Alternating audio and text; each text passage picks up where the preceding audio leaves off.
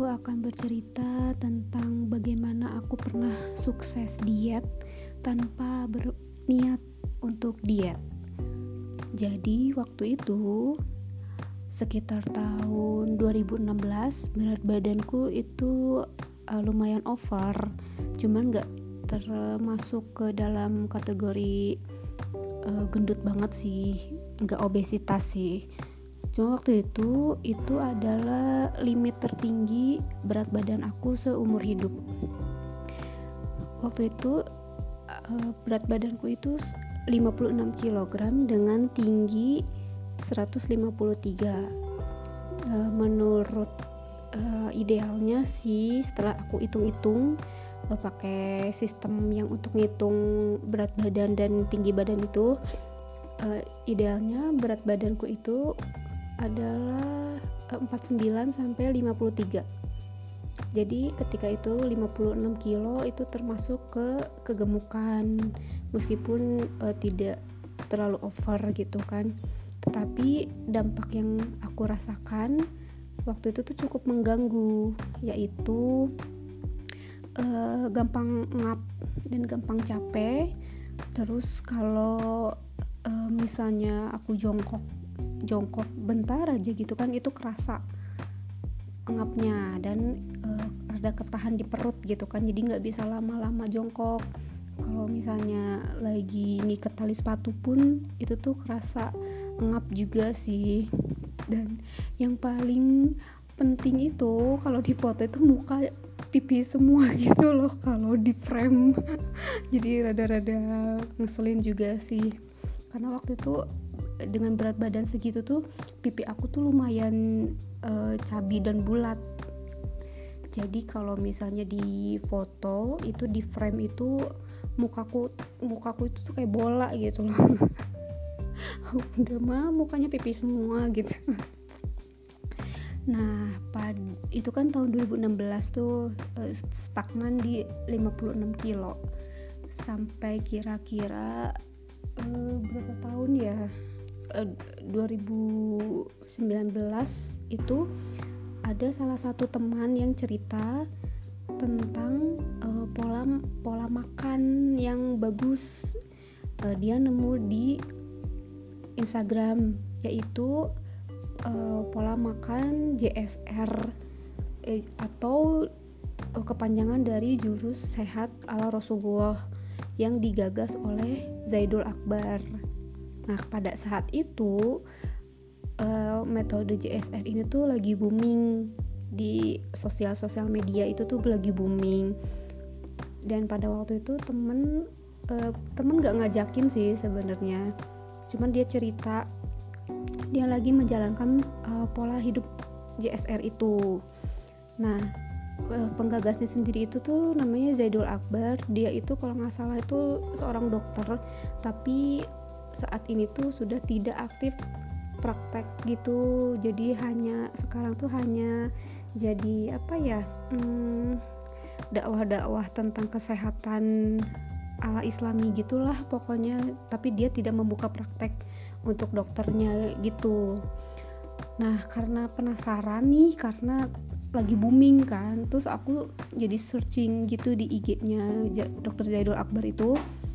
Terus uh, agak-agak tertarik jadi dicoba sedikit-sedikit. Tapi niatnya ini tuh balik lagi sih niatnya bukan untuk diet tetapi untuk menjaga kesehatan. Karena kan aku tuh dari dulu dari zaman sekolah tuh orangnya tuh uh, sangat uh, sangat concern terhadap kesehatan melalui olahraga gitu. Jadi dari dulu tuh aku tuh lumayan aktif olah olahraga. Kalau di sekolah itu waktu SD aku pencak silat lah terus waktu SMP aku basket gitu kan.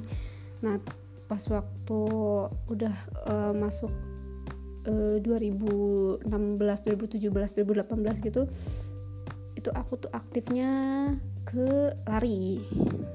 Kan lari juga kan lagi booming juga kan waktu itu. Nah jadi aku tuh uh, sangat concern terhadap kesehatan dan melalui metode olahraga gitulah pokoknya. Jadi waktu itu tidak ada niat sedikit pun untuk diet. Karena waktu itu memang aku berat badanku memang udah agak-agak berat ya dan efek-efeknya juga yang tadi aku sebutin itu kan udah nggak nyaman juga di tubuh. Tapi aku inginnya sehat aja gitu. Nggak apa-apa nggak kurus tapi sehat. Nah untuk itulah aku coba uh, si metode JSR Jadul Akbar ini. Nah waktu itu makanan yang uh, dikonsumsi itu kayak uh, jadi ada makanan yang dikonsumsi dan ada makanan atau asupan yang dipantang atau dihindari gitu. Jadi yang wajib dikonsumsi itu kayak sayur-sayuran buah-buahan uh, pokoknya yang dari alam dan tanpa olahan gitu sih. Kayak uh, kalau misalnya uh, daging daging dagingan juga sebenarnya bisa sih daging dagingan cuman diolah sendiri. Jangan uh, daging dagingan hasil olahan uh, pabrik gitu seperti kornet misalnya sosis bakso uh, chicken nugget yang kayak gitu-gitu tuh uh, itu uh, kalau bisa di, kalau bisa sih dihindari nah waktu itu makanan yang harus dikonsumsi uh, menurut metode JSR ini adalah yang aku lakukan waktu itu ya. Aku tuh rajin bikin infus water. Infus water waktu itu isinya kurma uh, kunyit kayu manis jahe. Kenapa aku tambahin kayu apa kayu manis kunyit jahe? Itu tuh karena uh, konon katanya si kandungan-kandungan di dalam ketiga uh, komponen tersebut tuh bisa me apa yang mengurangi nyeri head. Kebetulan kebetulan sih kalau aku sih kalau head itu tuh hari pertama itu parah banget sih kramnya sakitnya tuh bisa-bisa sampai nggak bisa bangun dari tempat tidur gitu kan. Ya, nah ditambahinlah kunyit kayu manis jahe untuk mengurangi rasa sakit pas waktu head. Dan waktu itu juga ditambahin uh, jeruk nipis. Itu satu. Terus yang kedua makan kurma. Uh, waktu itu meskipun bukan bulan puasa tapi aku tuh makan kurma tuh setiap hari. Seperti eh kayak makan kayak makan pas sehari-hari gitu. Dibagi kayak pagi uh, pagi siang malam misalnya pagi tiga malam tiga uh, apa uh, siang siang sih kayaknya jarang-jarang juga sih atau itu dibikin jadi kayak cemilan aja itu kurma. Yang ketiga kacang-kacangan. Nah kacang-kacangan ini tuh uh, kalau menurut metode JSR ini tuh bukan sembarang kacang ya kayak kacang tanah itu kayaknya nggak boleh deh. Yang dianjuran itu tuh kayak kacang almond kacang pistachio itu tuh lumayan loh mahal juga. Tapi waktu itu enak sih uh, aku suka sih kacang pistachio sih terutama. Lalu makanannya itu makanan yang direbus dan tidak digoreng. Jadi uh, kalaupun misalnya ham hambar ya aduh rebusan itu kan hambar ya ya aku paksain aja sih waktu itu makan rebusan. Aku sama sekali tidak makan goreng-gorengan. Uh, bahkan kayak misalnya ikan ikan tuh direbus juga gitu dibumbuinnya juga seadanya aja kayak garam garam lada udah gitu kan nggak pakai gula juga. Terus uh, kalaupun misalnya mau makanan goreng-gorengan itu pakainya tuh minyak kelapa. Kan karena katanya minyak kelapa ini lebih sehat dan uh, bisa dipakai sampai dua kali masak minyak kelapa juga lumayan mahal sih. Tapi ya itu lebih sehat gitu kan. Terus yang rajin aku konsumsi juga adalah adalah buah-buahan. Wajib ini setiap hari itu buah-buahan selain kan aku suka buah-buahan sih. Jadi kayak nggak ada beban aja makan buah-buahan setiap hari. Nah waktu itu buah-buahan yang rutin aku makan itu kayak pepaya pisang uh, jeruk, buah naga, pir uh, biasanya dimakan langsung atau di jus. Terus uh, ini juga salah satu makanan yang harus dikonsumsi di metode JSR ini tuh yaitu air kelapa hijau tua. waktu itu karena males ma males sih nyari kelapa hijau gitu ya meskipun banyak sih kayak waktu itu kayaknya di Palmerah cuman males aja gitu. Jadi sesekali aja sih nggak rutin. Nah terus aku tuh waktu itu tidak makan nasi putih. Uh, tapi pasti harus pasti apa ya kita tuh orang Indonesia tuh tidak eh, tidak bisa menghilangkan komponen satu itu di dalam kehidupan sehari-hari gitu ya. Makan itu pasti harus pakai nasi. Sementara nasi putih itu tidak baik dikonsumsi tuh karena katanya eh, apa glukosanya tuh kandungan glukosanya tuh gede ya. Jadi waktu itu digantinya tuh sama nasi merah. Nah aku waktu itu nyetoknya nasi merah sih di rumah. Jadi setiap makan tuh pasti pakai nasi merah gitu kan. Cuman rada nggak enak tuh karena teksturnya itu lebih keras dan masaknya itu lebih lama. Uh, terus uh, air airnya pas waktu masak nasi tuh airnya tuh agak dibanyakin. Makanya karena tidak tidak se sesuai dengan uh, takaran nasi putih biasa gitu. Waktu itu sih takarannya kan dilebihin. Nah terus aku tuh jadi kayak si nasinya itu kadang lembek lah kadang uh, kering gitu kan. Jadi nggak pernah pas gitu takarannya tuh. Ah pokoknya susah sih nakarnya waktu itu kalau nasi merah gitu kan. Nah terus yang aku suka konsumsi itu tuh madu. Madu itu boleh di supermarket supermarket ada sih asal jangan kayak madu rasa gitu gitu kan uh, katanya itu kandungan gulanya banyak ya. Nah ini tuh jangan yang kayak gitu. Jadi madu yang rada pricey lah ada di supermarket lah gitu madu juga. Aku suka sih konsumsi madu. Uh, biasanya madunya di uh, diseduh. Dibikin minuman gitu kan. Waktu itu biasanya sih aku sukanya diseduh pakai air air anget anget anget kuku gitu. Di terus dikasih jeruk nipis dikit dan dikasih chia seed. Hmm, enak banget sih itu seger ya. Nah terus uh, balik lagi tadi kalau misalnya bikin makanan itu mau direbus mau digoreng gitu-gitu kan kan harus ada bumbu ya. Sementara si JSR ini tuh menghindari yang namanya micin. Jadi terbiasa dari kecil mungkin uh, ngecap yang gurih-gurih gitu ya. Yang si micin ini di stop tuh kayak kehilangan banyak hal banget di hidup gitu. Nah jadi waktu itu tuh garam sih tetap pakai garam cuma garamnya diganti dengan garam Himalaya. Garam Himalaya itu garam yang pink itu loh agak mahal juga sih itu. Tapi katanya akhir-akhir ini tuh aku baca di Twitter katanya garam Himalaya ini tuh nggak bagus juga karena tidak mengandung yodium. Sementara garam-garam meja yang uh, sering dijual di pasaran di Indonesia itu tuh udah mengandung yodium. Jadi untuk mencegah gondokan gitu loh penyakit gondokan gitu. Nah katanya sih kayak gitu.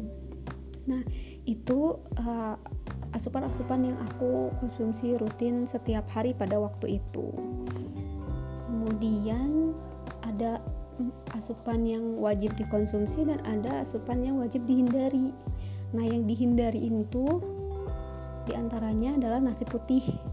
Karena ya itu tadi eh, kandungan glukosa di nasi putih itu tuh banyak banget. Jadi kalau misalnya kita makan nasi terus selain makan nasi kita juga ngemil-ngemil yang manis-manis gitu itu uh, kadar gula di dalam tubuh kita tuh uh, akan over gitu. Itulah yang menyebabkan uh, apa sih orang-orang tua itu tuh kayak dia apa punya penyakit diabetes kayak gitu-gitu tuh mungkin dulunya uh, dia selain makan ngemil-ngemil yang uh, manis-manis yang gula-gula kayak gitu tuh juga karena uh, setiap hari itu konsumsi nasi putih dan tidak terkontrol gitu.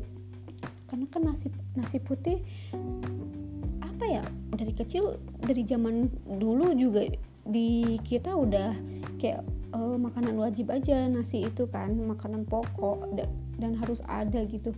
Nah uh, mungkin tidak terkontrol dari konsumsi nasi putih ini terus ditambah dengan konsumsi gula lainnya itulah menyebabkan penumpukan gula di tubuh. Makanya mungkin kayak penyakit diabetes tuh eh, menyerang sebagian masyarakat di Indonesia itu jadi itu yang aku hindari itu nasi putih yaitu gantinya tadi nasi merah. Nah terus yang kedua itu aku menghindari banget yang namanya gula. Uh, jadi uh, kalau misalnya aku mau mau ngemil gitu kan biasa kan ngemil apa sih?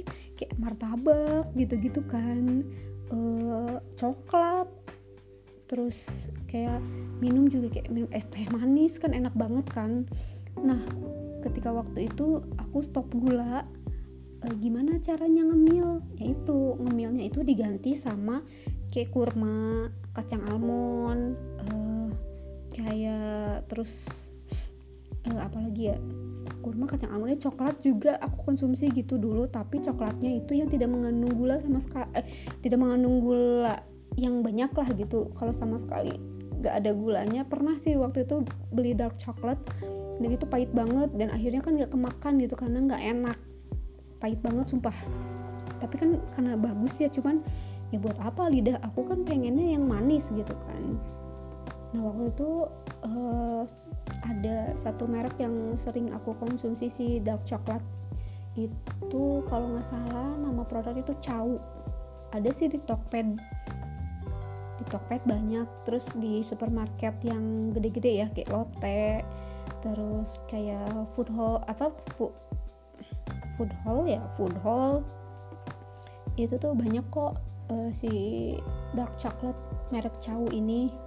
Nah itu aku biasanya yang uh, dark chocolate yang kandungan dark coklatnya tuh kayak 70% atau 50% itu. Dan enak sih enak lumayan. Nggak nggak terlalu pahit tapi ada manisnya juga gitu Nah, terus yang ketiga yang aku hindari itu adalah tepung-tepungan. aku sama sekali gak makan tepung waktu itu. Tapi kan e, biasanya suka kangen kayak makan roti gitu ya. Nah, nah rotinya itu diganti dengan roti gandum. Waktu itu biasanya aku beli di Tulejur sih. Gandumnya lumayan enak. Cuman pricey juga itu roti gandum jadi sampai sekarang pun aku konsumsinya roti gandum sih. Nah yang keempat yang keempat yang aku hindari itu micin micin. Enak sih micin cuman kan katanya nggak bagus ya. Sebenarnya uh, micin itu tuh bukan nggak bagus tok nggak bagus gitu kan. Apa pun sesuatu yang dikonsumsi secara berlebihan itu tidak bagus termasuk micin. Nah si micin ini tuh kayaknya ada takarannya sih satu hari itu berapa gitu kan. Nah karena uh, makanan zaman sekarang tuh bermacam-macam dan rasa rasanya juga bermacam-macam ya uh, aku yakin itu micinnya tuh banyak juga. Jadi uh, kalau misalnya uh, ngemil apa ya ngemil ce, apa cemilan gitu yang udah mengandung micin kan kita nggak tahu itu micinnya berapa banyak. Nah lebih baik aku stop aja micinnya. Jadi bener-bener waktu itu tuh nggak ada nggak ada micin sama sekali makananku asupan dan konsumsi konsumsi aku tuh nggak ada micin sama sekali. Nah terus gimana rasanya? Hambar dong memang hambar. Makanya waktu itu agak-agak tersiksa juga sih karena nggak makan micin gitu kan tapi ada efeknya sih nanti aku ceritain juga efeknya sih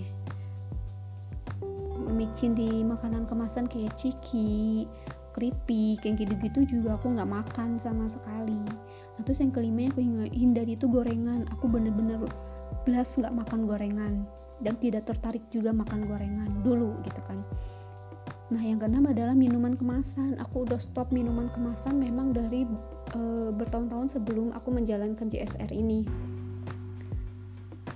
Lebih baik minum air putih. E, nah, terus kan kalau misalnya lidahnya pahit, pengen ada rasanya gitu ya, pengen minum yang ada rasanya gitu gimana?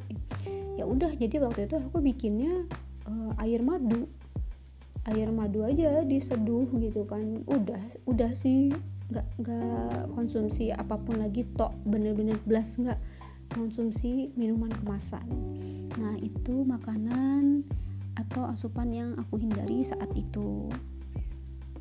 Uh, waktu itu um, efek efeknya ke tubuh ya pas waktu menjalankan JSR ini tuh lumayan. Aku kan sering pusing sakit kepala. Sampai-sampai aku tuh di tas tuh nyetok.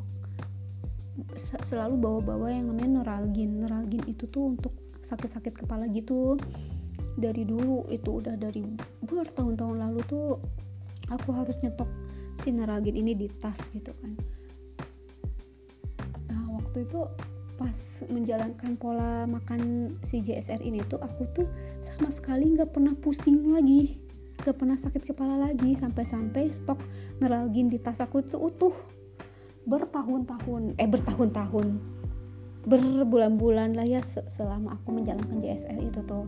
Nah terus efek yang kedua adalah uh, badanku ringan. Jadi kayak kayak nggak ada beban aja sih. Mungkin karena waktu itu sistem pencernaanku juga lancar. Nah itu yang ketiga uh, aku sistem pencernaanku lancar BAB ku lancar gitu setiap hari. Dan uh, dan agak lebih segar aja gitu waktu waktu itu. Nah terus waktu itu karena masih sering lari sih ya. Jadi dibarengi sama olahraga sih waktu itu lari. Aku kan rutin lari meskipun cuma bentar-bentar juga tapi aku rutin. Minimal tuh satu minggu sekali tuh aku pasti lari. Nah waktu itu set, setelah aku menjalankan uh, eh, JSR ini selama baru selama tiga bulan itu tuh berat badan aku tuh turun drastis. Dari 56 56 terus tiba-tiba turun sekilo turun 2 kilo jebret turun turun 3 kilo. Sampai waktu itu uh, drastis banget sih sampai sempat 49 sampai teman-teman di kantor tuh kayak kasihan gitu kak aku. Yang kalau pas ketemu gitu kan sama teman-teman kantor sama ibu-ibu di kantor tuh kayak ah Diana kamu sakit? Gitu kan. Padahal bukan sakit sih itu itu bukan sakit sih itu kan e, justru aku sangat merasa sehat waktu itu. Dan efeknya itu yaitu berat badanku turun drastis. Tiga bulanan itu udah dari e, 56 sempat ke 49 48 jadi 56 ke 48 e, 8 kilo lah 49 lah berarti kan 7 kilo ya 7 kilo itu dalam 3 bulan tanpa sengaja dan tanpa aku bermaksud untuk diet. Nah dari situlah uh, orang-orang kantor tuh pada heboh gitu karena aku tuh tiba-tiba kurus lah gitu ya. Ada yang khawatir, ada yang kepo gitu. Tapi kebanyakan sih yang kepo gitu kan. Yang kepo pengen apa ya? Pengen tahu uh, pakai pakai tips apa diet diet macam apa gitu kan kan waktu itu tuh ada berbagai macam diet deh kalau nggak salah kayak diet apa sih DBM ya DBM gitu gitulah pokoknya aku nggak ngerti sih macam-macam diet cuman waktu itu di kantor tuh banyak banget ibu-ibu yang ikutan diet diet gitu aneh-aneh sih kadang dietnya tuh kadang uh, boleh makan lemak tapi nggak boleh makan nasi gitu. Uh, bingung deh pokoknya. Nah pada waktu itu teman-temanku tuh pada kepo gitu lah. Apa sih diet apa ini namanya di katanya gitu kan. Terus aku kan bingung ya. Aduh aku aku sebenarnya nggak diet. Cuman nggak tahu kenapa ini tiba-tiba uh, apa kurus aja gitu kan. Mereka tuh kayak nggak percaya gitu aku nggak diet. Nah tapi uh, kan aku tuh mikir ber berbagai macam metode diet tidak uh, tidak selalu cocok untuk setiap orang gitu kan. Waktu itu ketika aku ditanya diet apa aku kan nggak jawab ya. Aku sih nggak diet. Aku jawabnya aku nggak diet. Aku hanya menerapkan pola makan yang sehat gitu kan pola hidup yang sehat. Nah terus kan pada kepo kan apa dong apa dong kasih tahu. Terus kan aku tuh kayak bales gini loh bales yang kayak ini tuh nggak nggak nggak eh, nggak selalu cocok untuk semua orang loh bisa aja ke kamu pun nggak cocok gitu kan. Tapi mereka kan tetep kan kepo gitu ya udah aku jelasin lah nggak ma apa makan ini ini ini nggak makan itu itu itu gitu kan. Mereka langsung menyangkal dong wah nggak bisa gue nggak makan gorengan ah nggak bisa gue nggak minum kopi susu gitu gitu kan ah nggak bisa gue nggak bisa gitu gitu nah terus ya jadi rada males sih ngejelasinnya. Karena kan e, buka ini tuh bukan ajakan gitu kan. Ini tuh aku hanya menjelaskan bagaimana uh, tubuh aku tuh menjadi seperti ini gitu-gitu. Jadi banyak yang tidak menerima lah uh, si konsep yang aku jalankan ini. Terus tapi sebenarnya ya ini tuh lebih ke mindset aja sih ubah mindsetnya. Jadi waktu itu bukan karena aku tuh bukan karena pengen kurusnya bukan karena harus apa pengen dietnya. Tetapi ini tuh jadi lebih ke mengubah mindset aku terhadap makanan dan rasa lapar. Karena sejak menjalankan pola makan ini aku jujur aja jarang ngerasa lapar selain itu lebih bisa mengontrol diri dan menahan diri terhadap keinginan. Kalau udah nggak tahan pengen makanan-makanan jahat gitu kan aku pikirkan aja efek akhirnya. Biasanya uh, kalau misalnya makan indomie gitu ya indomie enak banget ya. Tapi setelah makan itu kayaknya lidah aku tuh nggak enak gitu sama uh, si rasa indomie ini tuh. Nah aku inget-inget aja kayak gitu. Kalau misalnya aku pengen indomie aku inget-inget aja oh akhirnya tuh endingnya tuh pasti lidah aku nggak enak. Nah jadinya itu menekan rasa ingin aku memakan sesuatu itu. Nah terus waktu itu aku selalu bilang sama diri sendiri uh, kalau misalnya pengen sesuatu itu tuh yang yang nggak bagus ya misalnya pengen gorengan aku selalu bilang sama diri aku sendiri ah gorengan kan lu udah pernah nyobain lu udah pernah makan. Udah tahu dong rasanya kayak apa jadi nggak usah lah makan lagi. Nah aku tuh selalu kayak gitu. Jadi ini tuh lebih ke mengubah mindset aku terhadap uh, makanan dan rasa lapar. Uh, jadi terbiasa dengan rasa lapar itu mem uh, membangun diri aku tuh untuk jadi nggak makan mulu gitu kan. Udah gitu kayaknya asupan-asupan yang aku konsumsi waktu itu tuh uh, cukup mengenyangkan ya kayak pisang uh, alpukat mangga yang kayak gitu-gitu tuh lumayan mengenyangkan gitu. Jadi mengurangi rasa lapar juga. Udah gitu kan kayak kurma juga kan lumayan tuh lumayan mengenyangkan dan bikin tahan tahan laparnya tuh lama gitu. Nah nah sebenarnya sih yang terpenting itu adalah diubah dulu pola pikirnya diubah dulu mindsetnya. Uh, apa yang bagus dan tidak bagus yang masuk ke tubuh kamu. Jadi nanti akan uh, membangun kebiasaan. Dan akan uh, otomatis memilah-milah uh, apa yang harus apa yang bisa masuk ke tubuh kamu dan aku pun jadi punya pola pikir bahwa makan itu tidak selalu harus pakai nasi. Di luar negeri aja kan nasi itu bukan uh, makanan pokok kan. Makanan pokok mereka bisa diganti, dengan kayak uh, gandum atau kentang. Sebenarnya nasi itu bukan uh, hal yang utama sih di dalam kegiatan makan gitu kan. Jadi aku putuskan untuk kalau makan itu tidak selalu harus pakai nasi. Dan yang kedua pola pikirku pun berubah bahwa lapar itu jangan dibalas dengan makan yang banyak. Jadi secukupnya saja. Karena katanya sih rasa lapar itu justru yang membuang lemak-lemak di tubuh. Jadi uh, kalau bisa sih kalau lapar udah lapar banget gitu makannya secukupnya aja. Jangan sampai kenyang kekenyangan banget. Kalau misalnya itu makanan enak banget gitu kan uh, dikontrol dikontrol aja gitu. Bahwa yang berlebihan itu tuh tidak baik. Dan ditambah dulu tuh masih rajin lari. Itu yang membantu proses uh, penurunan berat badan aku nah setelah nah setelah uh, waktu itu tuh kayaknya sih satu tahun full itu tuh aku jalani dengan JSR dan memang baik-baik aja justru tubuh aku tuh lebih kayak lebih sehat aku lebih bugar aku senang dengan tubuhku waktu itu.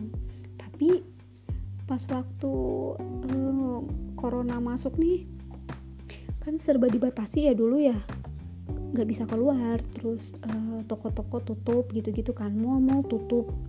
Nah pada waktu itu tuh udah kayak bosen banget dengan makanan ini itu kan karena eh, nggak uh, ada rasanya cuy. Nggak ada micinnya gitu kan. Nah, terus aku tuh kayak aduh kangen banget sama rasa gurih gitu gitulah pokoknya. Nah pas waktu corona tahun lalu itu sekitar bulan April udahlah aku tuh udah nggak nggak menyetop banget sih udah mulai konsumsi makanan lainnya. Kayak aku jadi uh, sesekali makan gorengan juga sih.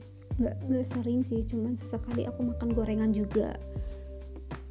Uh, terus aku juga minum kopi lagi.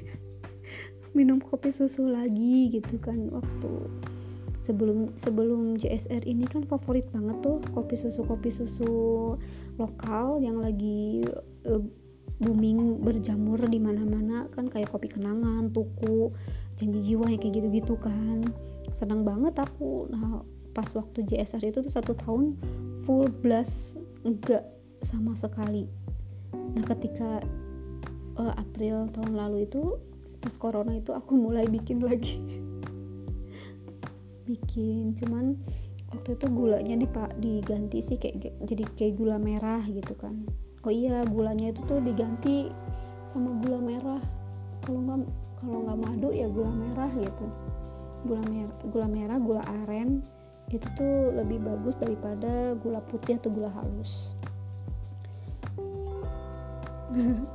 jadi setelah itu tuh aku makanku tuh beneran berantakan lagi makan makanan jahat lagi gitu kan.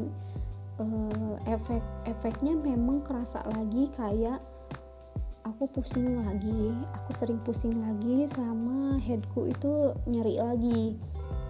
Memang pas waktu JSR itu headku itu tuh masih nyeri sih nggak full nggak full hilang nyerinya itu kramnya. Cuman hanya mengurangi rasa sakitnya. Nah pas sekarang balik lagi pola makannya biasa lagi si sakitnya tuh eh, nambah-nambah lagi. Tapi tapi aku pikir sekarang aku makan normal lagi makan makanan enak lagi makan makanan yang aku pengen makan lagi.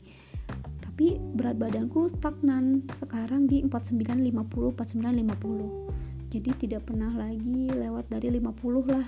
Belum pernah lagi lewat 51 itulah yang aku syukuri sih sampai saat ini berat badanku stagnan di 50 dengan pola makan yang amburadul kembali. Jadi sekarang ini makanku meskipun asupan buah-buahan dan sayuran masih uh, tetapi kayak ngemil yang kayak gitu-gitu tuh aku udah uh, biasa lagi. Ngemil-ngemil micin juga biasa lagi meskipun nggak banyak-banyak banget. Itu kan coklat yang kayak gitu-gitu aku juga kayak jajan boba. Kayak gitu juga mulai lagi burger McD KFC aku pun mulai lagi kayak gitu. Tapi alhamdulillahnya tuh berat badan aku nggak bertambah. Itu yang ha harus aku syukuri sih karena aku pikir uh, kalau kita makan enak itu bisa bikin kita happy ya. Nah perasaan happy itu tuh bagus juga untuk kesehatan dan uh, bukan hanya untuk kesehatan mental tapi juga berpengaruh ke kesehatan fisik. Jadi sampai saat ini ketika uh, pola makanku dan asupan aku seperti biasa lagi tapi aku happy gitu kan karena apa ya bisa makan makanan enak gitu. Beda sama waktu masih JSR itu kan makanannya meskipun sehat tapi kan tidak enak. Ada beberapa yang tidak enak gitu kan karena bumbunya terbatas gitu. Uh, meskipun itu bagus tapi tidak bikin happy ya buat apa gitu. Jadi sekarang ini uh, kembali main mindsetnya kembali apa berubah lagi bahwa uh, makanlah makanan yang enak jangan dibatas-batasi. Nggak usahlah diet-diet apalah itu gitu. Gitu gitulah nggak usah. Makan aja makanan yang kamu pengen makan. Makanlah makan makanan makanan makanan yang enak dan be happy gitu. Karena itu tuh uh, apa ya apa sih yang bisa mengalahkan rasa happy? Ya kan? Kuncinya tuh di happy aja sih. Jadi uh, jadi sekarang ini aku makannya biasa lagi tetapi uh, asupan buah-buahan sayuran yang kayak gitu-gitu aku masih. Yang penting adalah happy dan makanlah makanan yang enak. Nah udah sih kayaknya segitu dulu podcast kali ini semoga bermanfaat. Kalau misalnya ada yang ingin ditanyakan boleh ke DM di IG at Diana Mahmudah digabung ya at Diana Mahmudah boleh DM di IG tentang uh, apa pola, cara cara makan aku ini pola makan aku ini. Ya feel free sih untuk DM ya. Oke deh kalau gitu uh, segini dulu podcast kali ini dan sampai ketemu lagi. Dadah